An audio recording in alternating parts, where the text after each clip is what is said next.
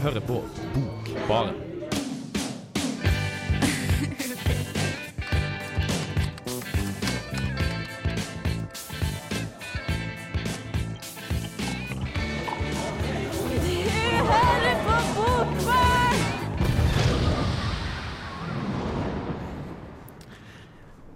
Johannes, hva gjør du når eh, damene stikker? Hva gjør jeg når dama mi stikker? Nei, Jeg får bare prøve å overtale henne til å komme Til å tilbake igjen. da. Hvis jeg er glad, ja da. Riktig. Hvis jeg ikke tvert imot er glad. Ja, ja, og så er det selvfølgelig Har du noen livsløgner? Eh, Ja, det tror jeg har. Men det første spørsmål i senga, har vi slutta å introdusere programmet i det hele tatt og sånn her nå? Nei, nei, jeg vil bare, jeg, bare, jeg synes det er et interessant spørsmål. For, Ja, for dere som ikke har forstått det, nå, så skal vi snakke om eh, damer som stikker og livsløgn. Og det er jo selvfølgelig Henrik Ibsen. Norges største dramat... Um, dramatiker? Dramat, jeg vet ikke hva ordet kanskje? Ja. Dramatiker. Han har skrevet massevis, haugevis av dritbra stykker. Og vi kan snakke om to av de i dag. Det skal vi, Jonas. Um, det, du, var jo i sofistikert innledning du hadde likevel. Ja, det, det var, jeg synes det var ganske bra selv, men uh... Ja, nei, Vi skal snakke om Ibsen, og det blir, det er jo, han er jo Norges kanskje mest kjente i hvert fall forfatter. Han er den mest internasjonalt eh, på en måte sånn anerkjente. Ja, Og en av de største dramatikerne etter Shakespeare, faktisk en av de mest spilte. ja. Han er, jeg tror han er nest mest ja, til Shakespeare. Så han revolusjonerte alt. Han uh, var veldig flink til å skrive. Han var flink til å skrive tragedier. Ikke så mye komedier. Fint skjegg. Veldig, ja, veldig, veldig fint skjegg, men uh, før vi snakker om noe av det, så skal vi høre 'Sisters' av Tweaks. Hei, det er Pedro Carmona Alvarez. Du hører på Bokbaren på Radio Revolt. Ja, Henrik Ibsen vet vi egentlig vi, vi har faktisk nettopp drevet og snakket jævlig mye om denne typen. Men han var en veldig tydeligvis en litt turbulent person, egentlig. Mye opp og ned, mye fram og tilbake. Ja, det må man kunne si. Han, var, um, han gjorde mye rart i livet òg, da. Um, han ble jo født eh, 18, eh, 1828, ble han født, så det er ganske lenge siden. Og han ble født i Skien, da, og um, Ja, Akkurat samme sted som Jan Thomas, faktisk. Hva er det? Nei, jeg kødder ikke. Det, Det er sånn bitte lite sted, og de to berømte personene de har, det er Jan Thomas og Henrik Ibsen. Ja, OK. Det er bra. Ja, Men eh, ja, han Ibsen, da, faren hans, var en ganske sånn velstående kjøpmann som eh, i løpet av oppveksten mista formuen. Så har man spekulert mye om hos, hva det har hatt sagt for Ibsen. da. For at eh, han, Det er ofte et motiv i hans forfatterskap at liksom det store fall, sosiale fallet. da. Fra ja. mektig og rik, og, til, og så skjer det et eller annet, og så bare blir man, mister man alt. Så som 15-åring da, så begynte han som apotekerlæring, faktisk. Apotekerlærling, det er litt rart. Uh, og der presterte han jo å smelle ei, eh, da, ei dame som var ti år gamlere enn seg, på tjuka. Hæ? Ja, ja, ja. Så han, han er litt en 25 år gammel dame, da er han 15? ja eller sånn 15-16. Ja. Det er jo faktisk, det er jo faktisk ganske imponerende. Ja, men jeg tror jeg leste noe om det i en biografi, jeg leste, så ser jeg kanskje litt mer om hun dama, da, hvor desperat hun, var. Men uansett, da. Altså, det ble ikke så bra, da, for han var jo bare lærling, og sånn, hadde ikke mye, mye penger, og sånn, så han ville ikke ha noe mer i ungen å gjøre. Men vent litt, så, så hun Så det, det viser kanskje ganske tidlig hvor Ibsen på en måte Han var en uh, pikk, men han gikk sine helt egne veier. da Ville ikke ha noe med sin egen unge. Ja, men jeg bare tenker på den stakkars damen som prøver å finne seg en mann som kan på en måte, gi henne trygghet, og sånne ting Og så får hun et barn bare for at han skal bli med henne, og så bare stikker han med en gang hun har fått barnet. Det var jævlig trist for henne. Du må tenke på de andre personene i historien også. Men uh, Ja, ja, ja. nå kom det tilbake til Ibsen. Ja. Uh, han flytta til Oslo i 1950, nei, 1850, da. Og da skulle han jo begynne på universitetet, men det, det skar seg òg. Han strøk i gresk og aritmetikk, så jeg tror det, det er noe matte, ikke ja. Så han var ikke så skoleflink heller, da, så det var på en måte mye som ikke gikk helt eh, bra til Ibsen òg. Men så, um, etter å ha vært litt journalist og sånn, så ble han jo heldigvis hyra av sjølveste fiolinvirtuosen Ole Bull til å komme og være instruktør, eller regissør og slags husdikter og instruktør på det nye oppstarta teatret i Bergen. For da, på den tida så var det liksom en, en um, Nasjonalromantikken var jo i sving, og man skulle liksom ha et eget teater i Norge da. Så da måtte de da satse da, Det var jo litt uh, Ole Bull litt lur, da, at han satsa på Han hadde veldig tro på Ibsen. Ja, det var bare sånn han hadde tro på han. Ja, det er litt merkelig, egentlig, men ja, han hadde vel For Ibsen var jo journalist og hadde skrevet litt i Oslo-avisene og markert seg litt der, så vidt jeg, i det Oslo-miljøet. Så ikke jeg skjønte, Da var jo kompis med både Jeg tror han var kompis med, i hvert fall med Bjørnstjerne Bjørnson, og jeg tror Arne Garborg kanskje, og en del. Så han var ikke, han var Nei, ikke, ikke Arne Garborg, det var, måtte, han måtte ha kommet senere. Hvem var det? Ja, glem det. ikke Falkeberg, nei. Nei, men Så han var ikke, han var ikke en total failure, liksom. Nei, det kan du si. Altså, han var jo Men sånn Han var en, tydeligvis var han en skarp fyr, da, men uh, han eh, Det er litt vanskelig å si når folk er sånn For han var bare sånn tre, to, Jeg tror han var 23 år da han ble hentet til Bergen, så det var veldig ungt. da Men han hadde jo klart å markere seg litt, da. Og så da reiste han jo til Bergen da, og var der i noen år, tror jeg. Og, og det gikk ikke så bra der heller, liksom, med skuespillene hans. Det var liksom sånn, han skrev jo noen skuespill, men eh, publikum likte dem ikke så godt. De ble spilt litt, men de ble, liksom, det var, han var ikke noen stor eh, dramatiker Han skrev, han skrev mye eh, vers på den tiden. Ja. For de to første skuespillerne hans, Brann og Per Gynt, er skrevet på vers. Ja, riktig. Men jeg tror ikke det falt sånn i smak innholdsmessig, egentlig. Nei, men begge dem, de der kom jo faktisk enda senere enn den perioden her, da. Så, Ja, De kom jo lenge etterpå. Herregud. Ja. Og så, ja, som du ser, så skrev han noe lyrikk i starten òg, så, så han var på en måte kanskje litt mer eh, på den banen i starten. Ja. Men da, i 1857 så flytta han tilbake til Oslo, eller Kristiania, som det het. da. Og da var han jo te teaterinstruktør på, på Kristiania Teater. da. Og da begynte det på en måte kanskje å bli litt mer sving på sakene, da, for da, der har han jo noen uh, skuespill òg. Og så fikk han jo statlig støtte til å reise til utenlandsopphold. Og Og- der var han i fuckings 27 år. Det er riktig.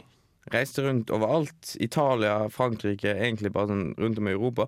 Mm. Skrev han vel sitt første store skuespill der i Italia, kanskje Brann? Ja, Brann ja. Altså- og Per Gynt var på en måte de første to eh, som eh, Per, du lyver. Nei, det gjør jeg. Ah, de mest kjente linjene fra Ibsen noen gang. mm. Foruten det Ja, det vet vi ikke. Det er jo mange som er like kjent som deg. Ja, men det er på en måte det, det måte de store skoleskuespillene, vil jeg tro. da Ja. For det er på en måte Han går i den tradisjonen med Askeladden. Når vi begynner med Askeladden, og så har vi Per Gynt, disse, disse personene som lyver veldig mye, som er veldig livsglade. Veldig eksentriske. Og det er faktisk eh, August fra Hamsun sin Landstrykere. Ligner faktisk veldig på. Det er riktig. Han har, Per Gynt har jo mange sånn slektskap med andre litterære figurer, som du sier. Um, Men herfra kom vel den store oppturen for Ibsen etter at han flyttet. det er helt et godt poeng, for det, det var på en måte der han skrev alle dem, som du sa, han begynte med Brand og Per Gynt, men alle, no, eller i hvert fall mange av de sto, største skuespillerne kom der, sånn som Dukkehjemmet og Villand og alle 80-talls 80-talls ø, eller dram, dramaene, tror jeg. Så um, det var veldig viktig for han, og kanskje, kanskje han trengte å se det norske samfunnet og liksom norskheten. For det er ofte det han skriver om, det er norske karakterer og norske plasser. Litt på avstand, da. Ja, altså um, Det som er gjennomgående i spesielt det forfatterskapet Han begynte jo realistisk. I tradisjonen Dan Georg Brandes som skrev om en ny retning i litteraturen. Vi må skrive om samfunnsskildringer, samfunnskritikk. Og det var jo alle de store skuene. Gjenganger, ikke sant? et dukkehjem, en folkefiende. Men så hadde han også disse psykologiske dramaene. Vil, eh, Mm. Hedda Gabler. Ville han på en måte fokusere mer på mennesket og ikke samfunnsgruppene. Ja, det er en slags dreining i forfatterskapet der, fra det eksplisitt samfunnskritiske men, og til litt mer sånn menneskelig. da. Der man kanskje ikke er så opptatt av å kritisere noe bestemt, men eh, jeg spørger kun mitt eh, kaller jeg et svaret. Og vi har jo tatt, eh, I dag skal vi diskutere to av de største skuespillere fra begge de på en måte retningene. Det er sant. Og nå rett etter pausen så skal vi snakke om et dukkehjem. Men først skal vi høre Golden Gal av Animal Collective. Ja, hallo, ja. Du, Trondheims eh, vakre fjell og Nidelv Nei, Det er Tore Renberg her. Dette er studentradioen i Trondheim. Og du er jævlig heldig som hører på den. Og Tore Renberg driter opp i jinglen vår, og han driter opp i forfatterskapet sitt også. Men nok dissing av Tore Renberg. Vi skal snakke om et dukkehjem. Og for dere som ikke har lest det, shame on you. Det er, mer sånn, det er standard klassisk litteratur. Men kort oppsummert, det handler om Nora og Hjelm, Hjalmar. Hjalmar, Hjelmar. Helmer. Helmar, faen. Ja, det er etternavnet ditt, faktisk. Torvald heter han. Ja, ok. Nora Torvald, Torvald og Nora hun går og tenker hele tiden at uh, Torvald han elsker meg ikke. Han bare bryr seg bare om status, han bryr seg bare om uh, stolthet og eh, mannssamfunnet og hvordan han skal oppføre seg. Og så, møter, og så bestemmer hun seg for å stikke etter en stund. Skal ikke oppsummere det så jævlig lett fort. Altså. Det er jo, jeg tenker at det, hun, I starten så tenker hun ikke så mye kritisk om det. Hun er jo på en måte med på det. Men jeg tenker og greia er jo at, at eh, det er veldig sånn eh, Han er veldig sånn eh, undertrykkende. Ja, der sa du. Enkelt og greit. Undertrykkende. Hvor er du, mitt ekorn? Ja, han Å, min lille lerkefugl. kaller hun for ekorn og lerkefugl, og på en måte tar ikke hensyn til hun som menneske, bare ser hun som eh, liksom et statussymbol, kona, kona si, da. Ja, og hun er jo den perfekte kona, Hun bruker passe penger. Ja, for det var det jeg tenkte at i starten så er hun, har hun ikke, tenker hun ikke så sterkt over det sjøl. Hun er kanskje bevisst det, og hun, man eh, får tydelig fram at hun driver og spiller litt eh, overfor han, og spiller litt overfor andre folk. Hun er på en måte en lur karakter, da. Hun, er, hun er jo faktisk jævlig smart. Ja, nettopp. Men, det. men det som er det, gjennom hele stykket så møter hun også en doktor. Er det? Jeg vet ikke hvem. Ja, Han fyren holder på å dø. Ja, det er en, er en venn av dem som er en doktor, ja. Og hun er jo forelsket i han. Som er faktisk forelsket. Det er ganske Det er ikke uttrykt, men det implisitt i stykket at hun er en person, han er en person hun kunne elsket. Ja. Virkelig. Er det ok, ja, det tenkte jeg, men det som er eksplisitt sagt i stykket, er jo at han er veldig glad i hun. Han elsker jo hun. Ja, Kanskje jeg fått tid. Og så er det hun der damen. Ja, altså det er jo hun som er det, Hun heter vel fru Linde. Ja, Hun har allerede stukket Christ... fra et ekteskap. hun ikke? Ja, så hun er på en måte den som kommer inn i stykket og skaper forandring. da, For at uh, du har eh, Tor, Torvald og Nora sitt uh, tilsynelatende idylliske ekteskap, som egentlig ikke er det. Men det, men det tenker kanskje begge to, i hvert fall Nora tenker ikke så mye på det. Så kommer jo fru Linde inn, som på en måte er mer eh, har levd mer, kan man si. De er tidligere venninner, og så kommer hun tilbake og har, som du sier, eh, eh, eh, gått fra et oppløst ekteskap og begynner å sette inn ideer inn til Nora, da, kan man si. Som på en måte Ja. gjør at hun begynner å tenke i perspektiv. Og så ja, så har du jo den døende vennen deres, han er vel, hva han heter doktor Rank. Ja, Doktor Rank. Ja. Så han på en måte, og det, det at han er dødssyk da, og kommer med dere bekjennelser om at eh, han elsker Nora, det er, Ja. det, det er kanskje litt noe som setter ting i perspektiv, at oi, det finnes andre alternativ òg. Ja, men det, det er kanskje det Og det som, det som gjør dette stykket sånn genialt som litteratur, det er på en måte alle disse, alle disse perspektivene du får på det. For hun der er fru Linde Fru Linde, ja. Hun gir et veldig sånn Hun sier også Nora spør mye om de negative tingene hun har opplevd. ikke sant? Hva, er det ikke tøft? Er det ikke vanskelig? Og hun sier jo jo, det er vanskelig, du må arbeide hardt. Jeg må alltid jobbe for å stå på føttene mine. Du blir utstøtt. Han gir på en måte disse forskjellige innsynene på akkurat det valget å forlate familien sin. da Ja, det er sant. Det er veldig viktig det du peker på, Ibsen, her, at alle karakterene har på en måte sin virkning inn på hele, hele stykket. da. Men vi må heller ikke glemme sakfører Krogstad, som, som er en karakter i stykket som på en måte setter press på Nora òg, da. En sadistisk jævel, det er det er. Ja, men eh, jo, jo, men, men hun har lånt penger av han for å, for å redde Thorvald fra et tidligere sykeopphold. Og når at Thorvald da vil sparke sakfører Krogstad, så, så um, da bruker jo Krogstad den makta han har, for hun har, hun har, eh, hun har undertegna et falskt eh, sånn gjeldsbrev. Ja, det er jo Det, faktisk det er plottet. Og, og for enkelt sagt, som du begynte med å oppsummere, da, så er det på en måte at det går fra at eh, de har et eh, idyllisk, men, eh, men kvinneundertrykkende ekteskap, og så skjer her, eh, grepene, og så, og så begynner hun å tenke selvkritisk og tenke at hm, kanskje jeg skal gjøre noe med livet mitt òg. Og da så oppløses ekteskapet, og hun rømmer. Men nå kommer vi til det store spørsmålet. Spørsmål, Ja. alle spørsmål. Dette blir jo ansett som kanskje et av de mest radikale, mest samfunnskritiske stykkene han lagde. Det endingen ble jo endret i Tyskland for at folk ikke taklet at Ja, hun de stakk fra barna sine. Ja. Og det er jo et, det står jo på en måte som en grunnpilar i den feministiske tenkingen. Mm. Og er den fremdeles gyldig? Kan vi fremdeles lese den som en samfunnskritikk av samfunnet i dag?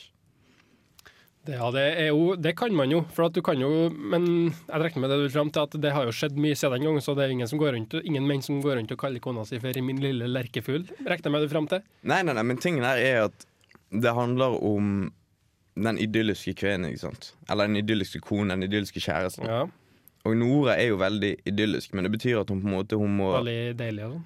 Ja, hun er faktisk i, i i- filmen I filmen så er hun ganske fin. fin. ja, OK, ja. Så det må jo være det, da. Hun, hun er jo faktisk Hun er jo sikkert Hun er sikkert veldig, veldig pen. Ja. Men det er ikke poenget. Poeng, jo, det er faktisk dette poenget. Ja. Hun er veldig pen. Hun kler seg riktig. Ja. Hun, lever, hun, er, idealkvinnen. hun er en fuckings golddigger. Det er Ja, dagens det hun. ekvivalent. Det er jo Hun er sammen med han der eh, Torvald fordi han har penger og kan forsørge henne. Og så driver hun og bruker disse pengene på dukke, dukkeutstyr og eh, sabler og masse drit og lort. Men det kan vi jo kanskje si at alle damer var på den tida, da. For det var jo på en måte sånn det var, at damene hadde ikke noe annet opp- livsoppgave enn måte å ta den beste mannen de fikk, da. Så Du det, må og være der en kommer, jo, der kommer jo kritikken inn jo at sånn skal ikke være, sa Ibsen. Det, det er jo det som Nora gjør, at hun bryter ut av det og så sier at nei, jeg kan ikke være en, en god hustru for deg, jeg kan ikke være en god mor for ungene mine, for jeg vet ikke hvem jeg er, så jeg må prøve å finne ut av meg sjøl. Hun har jo egentlig en identitetskrise. Det er jo det hun Det har. ja. Og så har hun på regne i denne trangen til å leve et ekte, genuint liv.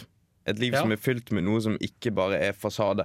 Og det, er derfor, det er jo derfor stykket heter et dukkehjem, for det er et dukkehjem, det er en fasade. Er Hun har lyst på noe menneskelig. Og det kommer alltid til å være universalt viktig. Det, det kommer alltid til å være viktig.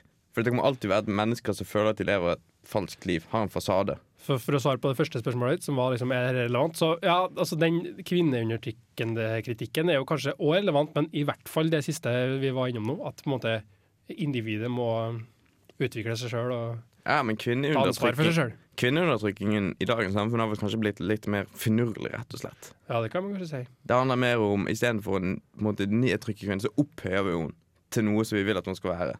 Sånn, jeg liker damene mine med, med store hofter og store pupper, og hun bør helst være litt dum, sånn at hun ikke utfordrer mitt intellekt.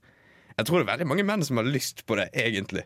Ja, du har kanskje ikke lyst på det, men fordi du er en reflektert og et godt menneske. takk. Men nå skal jeg ta på takk. meg rolla. Nå skal jeg være et dårlig menneske og si at jeg har lyst på en bimbo. Og jeg er sikker på at det er mange menn som har lyst på en bimbo.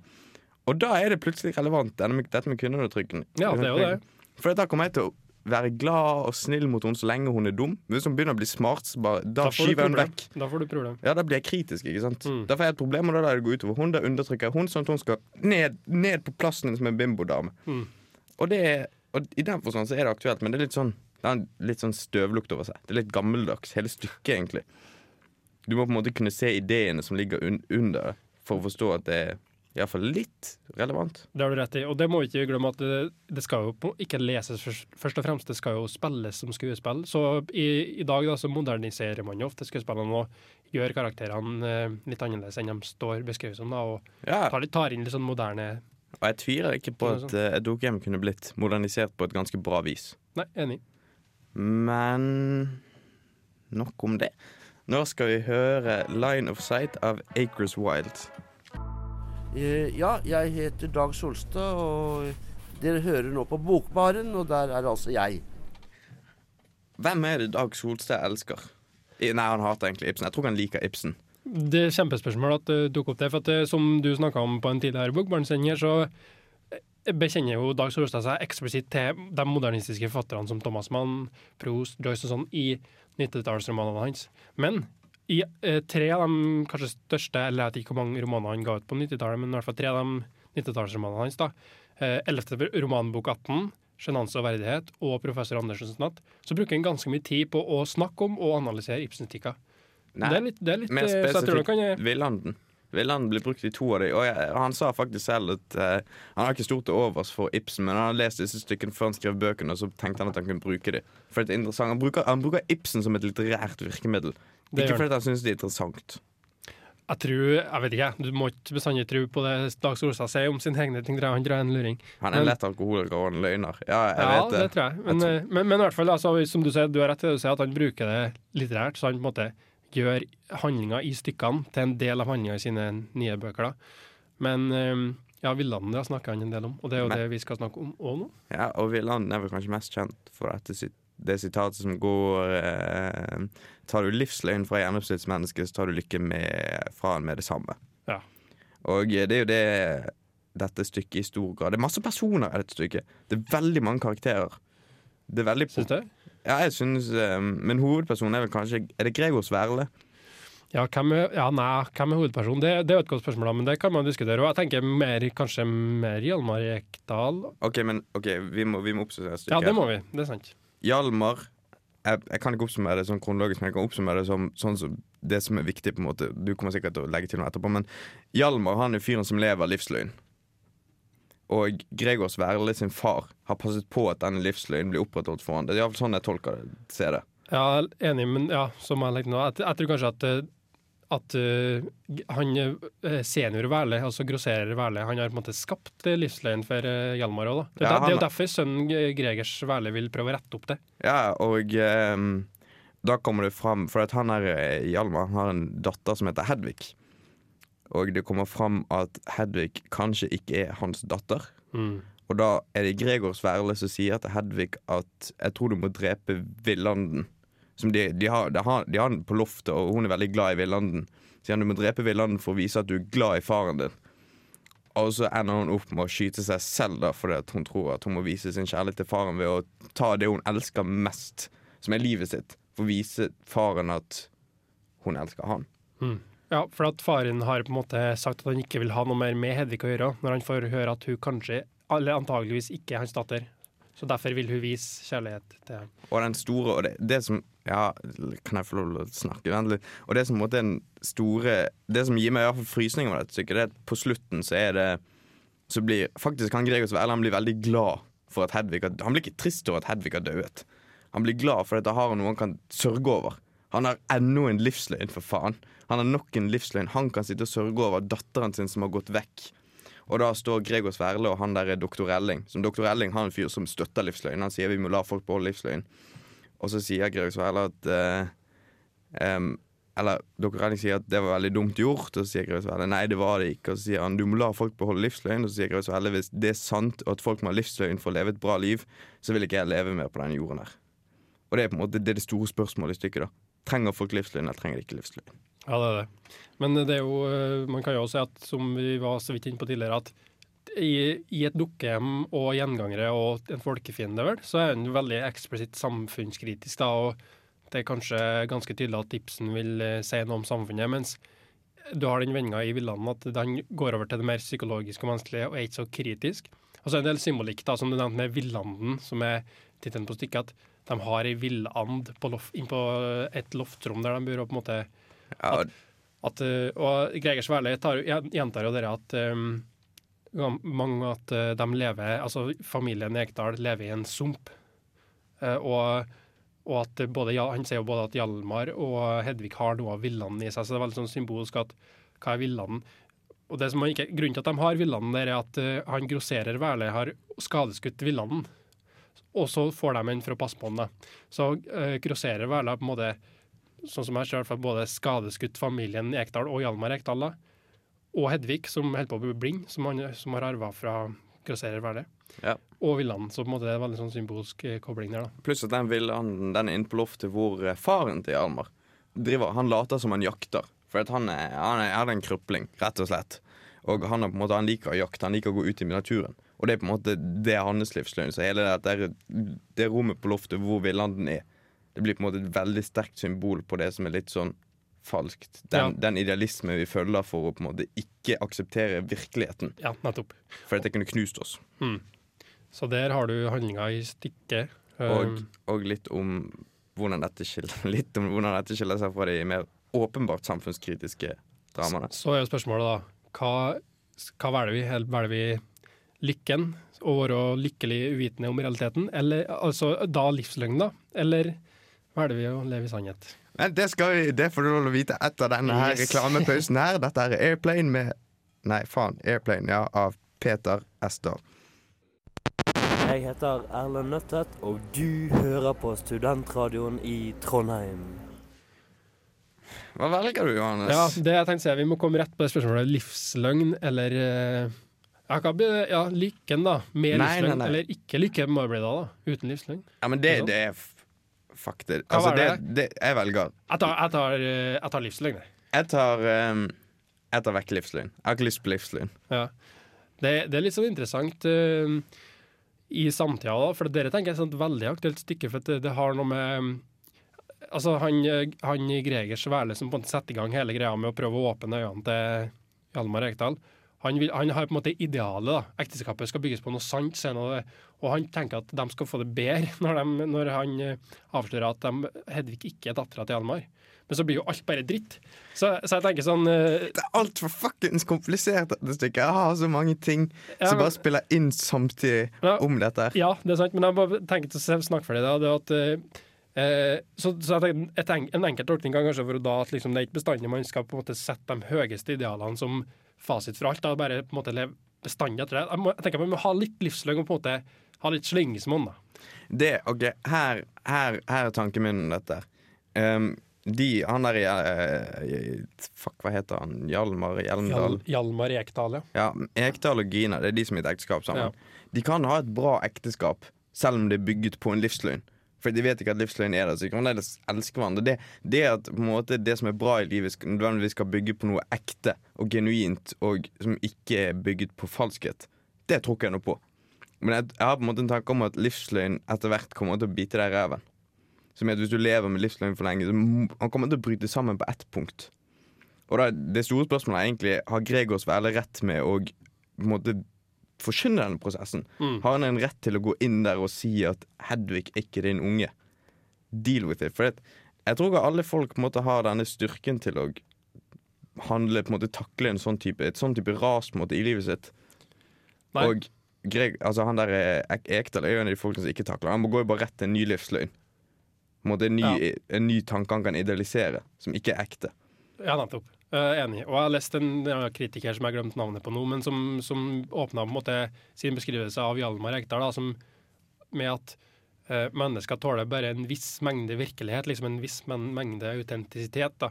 Noen mindre enn andre, som du sier. Noen på en måte klarer å se realiteten i mye og leve med det, men sånn klarer det ikke. Men som det blir litt det samme som jeg sa i stad, men altså, det, grensa går på en måte for alle noen plass. da. At, eh, at jeg tror det er litt sånn smarte med stykket her, at eh, det går kanskje litt på tvers av det Ibsen eh, sier med de forrige stykkene sine, at, for der er han jo veldig på det med å, at karakterene avslører eh, falskheten og liksom hykleriet, sånn som i En folkefiende og gjengangere, eller hva Ja, jeg i hvert fall ja. Dukkehjem, da. Mens her på en måte nyanserer han det litt, da, og med særlig karakteren doktor Relling, da, som sier de berømte ordene at tar du livsløgn fra et menneske, så tar du lykken fra han. Men det som er så jævlig smart med det stykket, det er at han gir ikke noe svar. Nei.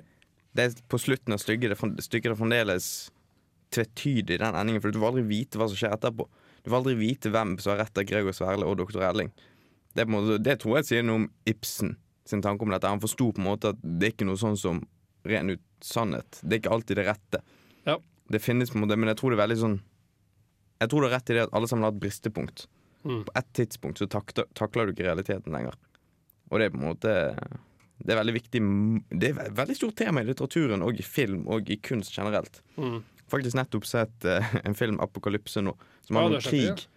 Og krig er jo veldig vanskelig å takle. Sånn, Da må du nesten ha en livsløgn for å komme deg gjennom det. For du gjør så mye dritt, du gjør så mye jævlig mot andre mennesker. Det er et godt poeng. Og det er på en måte veldig mange krigsfolk har på en måte, de har to måter å gjøre det på. Enten så tror de at de gjør det rette hele tiden.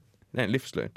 Eller så knekker de sammen og får traumer og depresjoner og blir gale og sånne ting.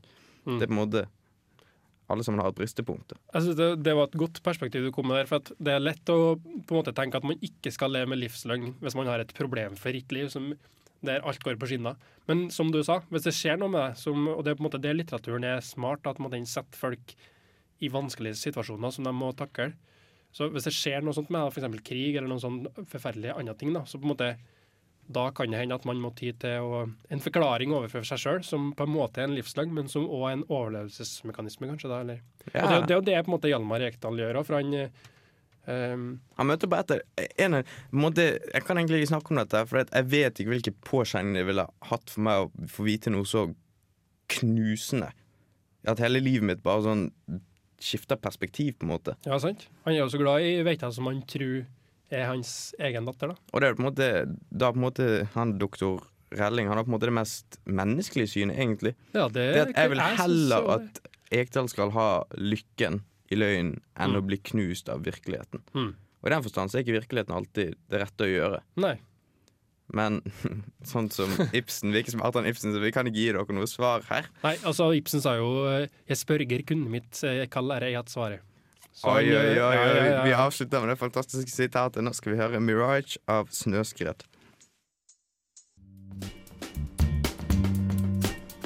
Hei, jeg heter Arild Wange og hører på Bokbaren hver tirsdag for å holde meg oppdatert på hva som skjer i litteraturen her til lands og ellers i verden.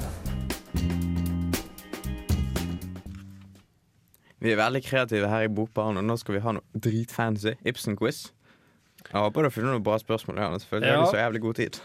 det, var, det, var, det var litt rar quizbok, egentlig. Men, eh, men eh, jeg har funnet noen spørsmål. Er du klar, eller? Selvfølgelig. Ok. Um, hvem sier dette, og i hvilket stykke? Nummer én. Den kilde er forgiftet, menneske. Nora sier det til Hjelmer Ekdal. Nei, nei, du vet sikkert det, du. du må, for du har jo lest det. Den kilde er forgiftet menneske. Hvem er det som sa det? Eller hvordan Det er jo doktor Stockmann i En folkefiende. Hæ? Å ja, shit, det handler jo om et barn og sånne Ja, du burde skjønt det. Det burde vært så, så åpenbart. ja, neste, da. Kanskje du greier den, ja. Jeg er Hvem sier eh, altså dette, og hvilket stykket? Jeg er frelst. Ja, det må være barn. Nei, du var inne på det i stad. Tips. Er det, er det Nora?